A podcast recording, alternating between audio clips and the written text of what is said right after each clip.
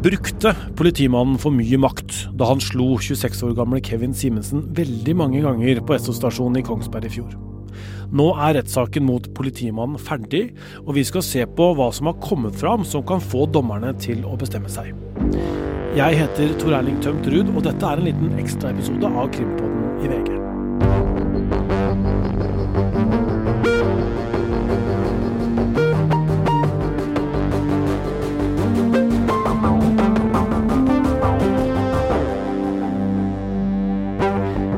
Det er altså denne overvåkningsvideoen fra Esso-stasjonen som de fleste av oss har sett, som er hovedbeviset i denne saken.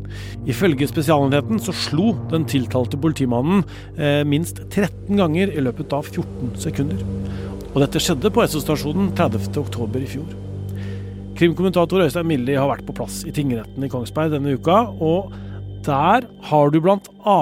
fått en eh, slags oppvisning i knivbruk, Øystein? Ja da, vi har, eh, vi har fått, eh, fått, det, Tor Erling. Det er jo sånn at det begynte vel for så vidt akkurat den biten med at Jon Christian Elden, forsvareren til politimannen, hadde anskaffa både en tilsvarende kniv, som da fornærmede Kevin Simensen hadde i lomma si denne kvelden. Og så skal vi med en gang si at den kniven aldri var involvert i noen ting. Den lå i lomma under hele opptrinnet som folk sikkert har sett på video. Eh, og så var det også en batong som eh, også Elden eh, hadde med seg og la på bordet i retten. Den batongen hadde for så vidt en eh, rolle. Den, ja, Om den ramla ut eller hva som skjedde, vet jeg ikke. Men den kom i hvert fall ut av jakka og havna på bakken under det vi må kunne kalle både basketak og slåsskamp eh, på Esso-stasjonen. Eh, og så var det en politimann eh, som kom og viste fram hva slags farepotensial denne kniven kan utgjøre. Og det var jo en interessant seanse, det. Men jeg understreker jo igjen at kniven aldri hadde noen funksjon. Den var aldri noen trussel. Den var aldri framme. Så mm, ja, den er ikke noen vesentlig del av saken, bare så det er sagt. Men hvorfor viser da Elden fram den kniven og, og, og sånt da? Det er nok for å skape et bilde av at politiet står overfor en Eh, potensielt farlig mann, eh, og som går eh, på byen med da batong og, og kniv. og det er nok hans poeng. og så har jo da Simensen sjøl sagt at han ikke var klar over at kniven lå i lomma. Og som sagt, den lå i lomma uten at noen oppdaga det. Og den ble aldri tatt fram eller vist fram eller trua med eller gjort noe som helst med.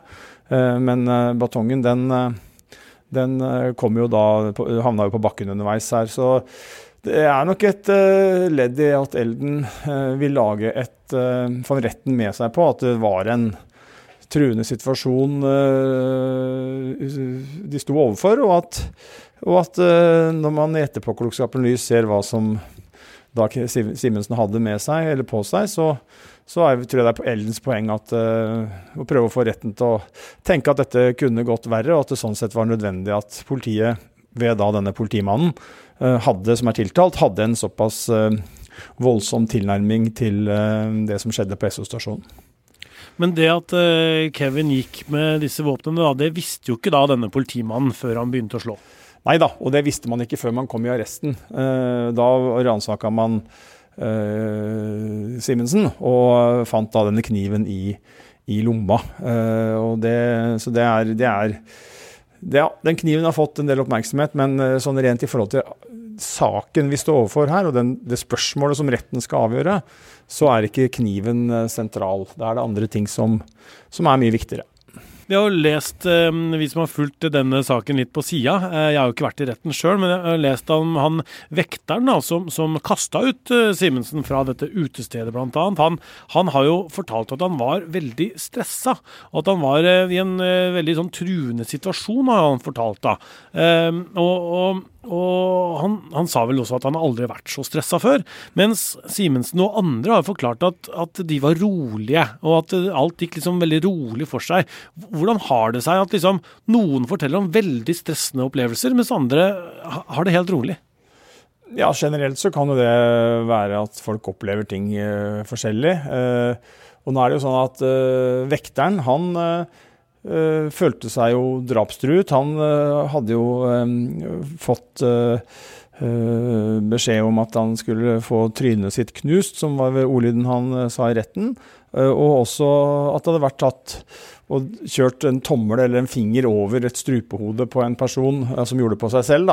Og, men, men, mot vekteren, og viste på en måte at eh, Trua han ved å foreta en handling som kan minne om at en kniv dras over en, en strupe. Og det eh, var jo foranledningen til at vekteren kontakta politiet. Man ser jo på den videoen at vekteren er oppskjørta. Eh, I hvert fall tolker jeg det sånn i forhold til kroppsspråket. fordi at han han er eh, Du ser at han har et litt sånn raskt eh, bestemt kroppsspråk.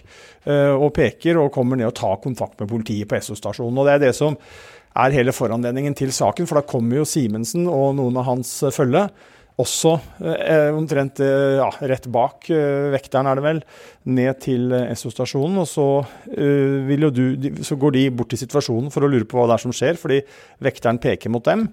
Og da er det det første punktet som aktor er opptatt av, som hun mener at den tiltalte politimannen uh, gjør en, uh, en uh, fatal feil. Og ikke forholder seg til den maktpyramiden som politiet bruker. Fordi at man ser på videoen at politimannen som er tiltalt, går bort til Simensen. Og det er, tar vel tre sekunder fra han er i såpass nær avstand at de kan snakke sammen. Eh, til han tar tak i Simensen og legger han i bakken. Og Det som er viktig med det, er at politiets første eh, trinn på en maktpyramide er tilstedeværelse. Altså det at politiet er et sted, skal i seg sjøl virke preventivt. Og det er jo på plass, for det er politiet, de er på SO-stasjonen. Så er trinn nummer to, når man har en uh, eskalerende situasjon, uh, altså, og da snakker vi ikke om situasjoner hvor folk allerede hadde dratt opp våpen, eller hvor ting er virkelig i gang. Da skal man jo hoppe selvfølgelig langt opp på den maktpyramiden. Men en situasjon som her, hvor det er folk som verbalt er uenige, så skal man jo da gå ut som politimann eller -kvinne og bruke trinn nummer to på stigen, og det er verbal kommunikasjon. Og det er Aktor har akkurat påpekt det i prosedyren, at de tre sekundene som det tar fra den tiltalte politimannen eh, starter en verbal kommunikasjon, til han avslutter det skrittet det virkemidlet uh, og går til fysisk inngripen mot Simensen, det mener hun er uh, en feilvurdering og en, får store konsekvenser da, for det som skjer videre. For det er jo da alt starter. Det er når politimannen vipper Simensen i bakken. Da bryter kaoset på Esso-stasjonen løs. Men er det ikke sånn altså, Det er vanskelig for oss å gå inn i hodet på denne politimannen, da, men når han oppfatter den situasjonen som så alvorlig at han da på en måte vurderer det sånn at han må ta disse stegene veldig veldig raskt opp i denne pyramiden da, da. Eh, hvordan kan man på en måte eh, belyse det på en så objektiv måte som overhodet mulig i retten? Det er jo vitneførsel, og det, vært, og det har vært politifolk som har sagt både i avhør og i retten her Dog kanskje med noe forbehold. og Uh, ta, ja, men, men, de har jo sagt at uh, det var jo politifolk som ble litt overraska over at det gikk så fort fra det som var en rolig situasjon, hvor man trodde at her blir det en, blir det en dialog, her blir det en diskusjon. Nå skal vi ta rede på hvem er du, hvem er du, hva, hva, skjer her, hva mener du, og hva mener du har skjedd? Altså begynne å få en slags uh, verbal oversikt, skråstrek kommunikasjon. Eh, men det er jo politifolk som var på stedet som eh, har sagt at de var overraska over at eh, politimannen valgte en så resolutt og plutselig inngripen med da å legge Simensen i bakken. Og Aktor mener jo at grunnlaget for det ikke var til stede. Det var ingenting ved Simensens oppførsel, sier hun, som tilsier at politimannen skulle begynne å legge han i bakken. Og det er jo sånn at politiet skal jo eh, selvfølgelig kunne bruke maktmidler, men man skal jo ikke bruke mer maktmidler enn situasjonen tilsier. Og den beste måten å løse et politioppdrag på, er jo selvfølgelig å bruke minst mulig makt. Og ved å da hoppe over eh, det aktor mener er noen trinn i pyramiden og gå så raskt til verks, så er jo hun, sånn som jeg oppfatter henne, en oppfatning av at politimannen selv skape, er med på å skape den situasjonen som kommer senere, som jo eh, også er viktig i tiltalebeslutningen, hvor disse to postene som man har tiltalt for, eh, kommer. Nemlig disse slagene som du var inne på i innledningen, Tor Erling, og batongbruk. For det er jo de to tinga han er eh, konkret tiltalt for. At han slår en rekke ganger, eh, og det er jo et mye lengre steg opp på denne maktpyramiden. Eh, og det samme, og, og, og også dette med, batongbruk er jo også mye lenger opp på maktpyramiden enn en kommunikasjon og, og og det å legge noen i bakken. Og hun sier jo at det er tilfeldigheter, sånn som hun ser det, at ikke Kevin Simensen ble fikk alvorlige skader av de uh, harde slagene som uh, politimannen uh, tilførte ham i hodet, skulder, nakkeregionen. han slo hardt, så hardt han nærmest kunne. og Politimannen sier jo det var for, var for, å få kontroll. Han sier jo at han forsøkte fra han begynte si, bestemte seg for å altså Han oppfatta vel at Simensen var i ferd med å trekke, rive seg løs fra det grepet han tok, og han tok ikke noe. Bare så Det er sagt, så tok han, det grepet han tok, var at han tok tak i skuldra hans, armen hans, sånn, litt sånn fysisk sånn uh, Hør her, liksom, nå skal vi snakke sammen grep, eh, og førte han liksom litt bort fra situasjonen. Det var det som var starten her. Eh, og så mm, gikk det noen sekunder før han da vippa ham rundt. Og politimannens versjon er jo at han vippa ham rundt og la han i bakken fordi at han følte at uh, Simensen var i ferd med å dra seg løs fra det grepet. Og han så for seg, da politimannen, at Simensen skulle unndra seg situasjonen. Og det mente politimannen ikke var særlig hensiktsmessig. Han ville ha personalia på Simensen, med tanke på om det skulle bli en anmeldelse forut av de truslene mot vekteren. Uh, og så Det er jo noen sekunder der som på en måte skaper hele den situasjonen som nå vi har vært i retten og uh, fått grundig belyst, og som uh, jo har ført til en veldig alvorlig tiltalebeslutning. En norsk politimann som er tiltalt og risikerer fengselsstraff for å ha utøvd vold mot en sivilist under en pågripelse.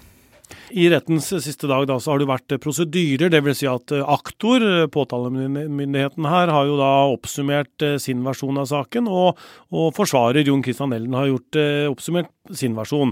Og i slutten da av prosedyren til aktor så, så ba hun om en straff som hun mente dommerne måtte gi denne mannen, og det var på 60 dagers ubetinga fengsel. Dvs. Si at, at man må sitte i fengsel i 60 dager. Hva, hva grunna hun det med? Nei, Det er jo en totalvurdering. og det som jo er at Denne saken er ganske unik. og Det finnes ingen sikker rettspraksis, uh, rettspraksis rundt dette her. Uh, og Jeg kan jo si allerede nå at jeg er ganske sikker på at denne saken, uavhengig av resultat, kommer til å bli anka. Og jeg tror også at lagmannsretten kommer til å tillate den ført. fordi at sånn som jeg ser det, så er denne saken prinsipiell. Den kommer til, den dommen, ehm, som enten blir frifinnende eller at man dømmer etter tiltalen, eller eh, ja, eller i hvert fall om ikke dømmer etter tiltalen, i hvert fall dømmer politimannen til en straff, den mener jeg er med på å sette noen rammer eh, rundt politiets handlingsrom og hva som eh, er greit og ikke greit. Eh, og Det er ikke mange av de sakene så vidt jeg vet, man har hatt opp igjennom, og det er jo noe av det som gjør at aktor uh, har litt trøbbel med å finne det som heter rettspraksis. Og rettspraksis er jo sammenlignbare saker, sammenlignbare tilfeller som man kan se hen til når man skal fastsette en straff for en gjerningsperson person, en gjerningsmann, en gjerningskvinne. Eh, men eh, hun, mener, hun, peker jo på at dette svekker, altså det som har skjedd på, her på Kongsberg, er med på å, å, svekke tilliten til politiet, og at det er viktig med en ganske streng reaksjon relativt sett, fordi at, eh, fordi at det er, hun mener det er grovt, det som har skjedd, og at politimannen har utsatt Simensen for en helt uholdbar eh, behandling, eh, og at han kunne ha fått mye større skader. Og hun viser som sagt også til dette med politiets tillit. At politiet er jo helt avhengig av å ha en høy tillit i samfunnet. For at man eh, skal kunne ha det, så er, er, vi avhengig av at befolkningen har tillit til også utførelsen av tjenesten. Hvis man får en situasjon hvor politiets opptreden er i utakt med den alminnelige rettsfølelse, hvordan politiet skal opptre, så er det jo fare for at politiets tillit synker. Og det er jo et veldig veldig alvorlig i et samfunn. Det bør vi ikke så vi kan bare kikke litt rundt oss i eh, andre land rundt omkring, så ser man jo eh, hvordan det kan være dersom eh, tilliten til politiet går dramatisk ned. Politimannen var også i retten og fortalte at han hadde mm, lenge hatt en drøm om å bli politimann. Han hadde jobba ganske mye for å få det til også. Eh, hvis han nå blir dømt og må sitte i fengsel, eh, kan han da jobbe som politimann framover? Neppe.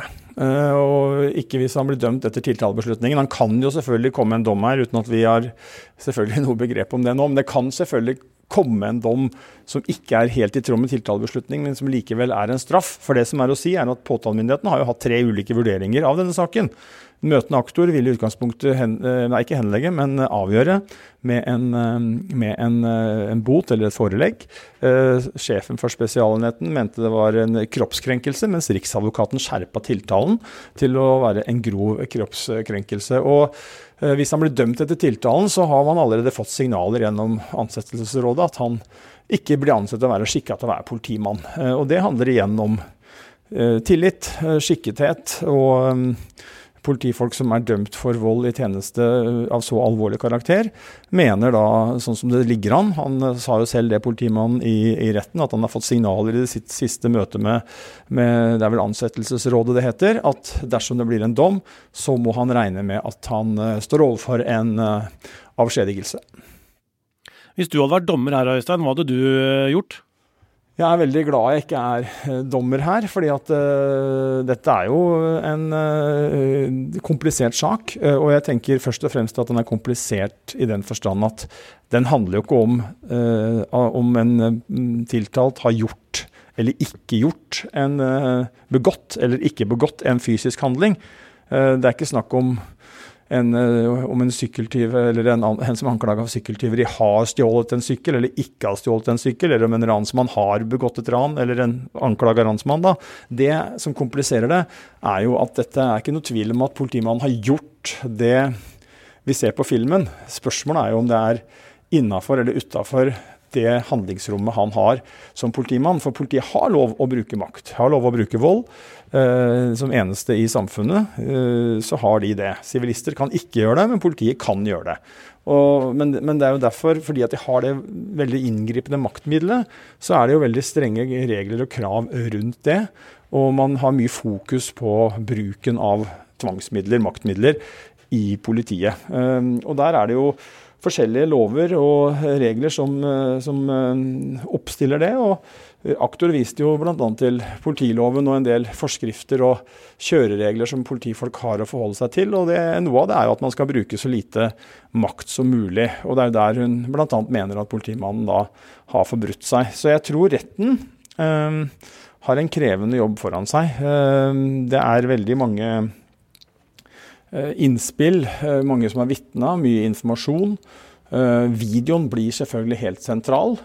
Men det er jo, det er jo ikke tvil om at det er jo det er ikke bare politimannen som har, sitter på tiltalebenken som mener at det som skjedde og det han gjorde er innafor regelverket.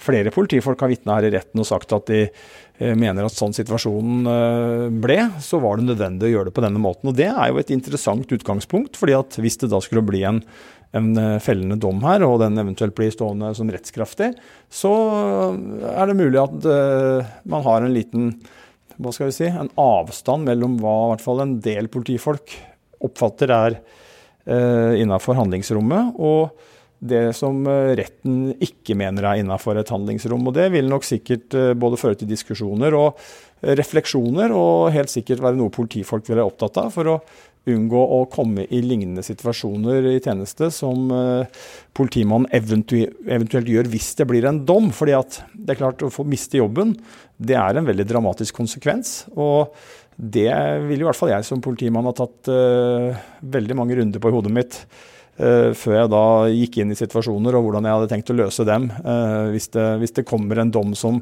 som flere politifolk mener uh, er flytter på noe de tenker er, er, noen grenser. Så Derfor så er denne saken også prinsipiell, da. Fordi at den kommer til, tror jeg, å kunne gi noen rammer. Enten i form av at man sier at det er greit at retten frifinner, eller at man sier det motsatte, at dette ikke er greit, og at det blir en domfellelse. Vi får se hva som eh, retten faller ned på. Takk for en eh, god oppsummering, Øystein. På mandag så kommer da femte episode av vår serie om denne spinnville narkotikasaken i serien Droppet, ikke sant? Den kommer på mandag på Podme, og det er foreløpig siste episode. Og når jeg sier foreløpig, så ligger det vel i kortet at uh, siste ord ikke er sagt i den saken. Podme er jo en podkast-app som du kan laste ned og høre alle podkaster du hører på, egentlig. Og betaler du, så kan du også da få tilgang til eh, våre premiumepisoder fra Krimpodden, og alt det andre bra innholdet som er på Podme. Der kan du kose deg hele sommer. Krimpoddens redaksjon består av Hanna Espevik, Guro Mjeltevik Halvorsen, Ruth Einvoll Nilsen, produsent Vilde Våren, nyhetssjef Emilie Halltorp, og jeg, da, Tor Erling Tømtrud.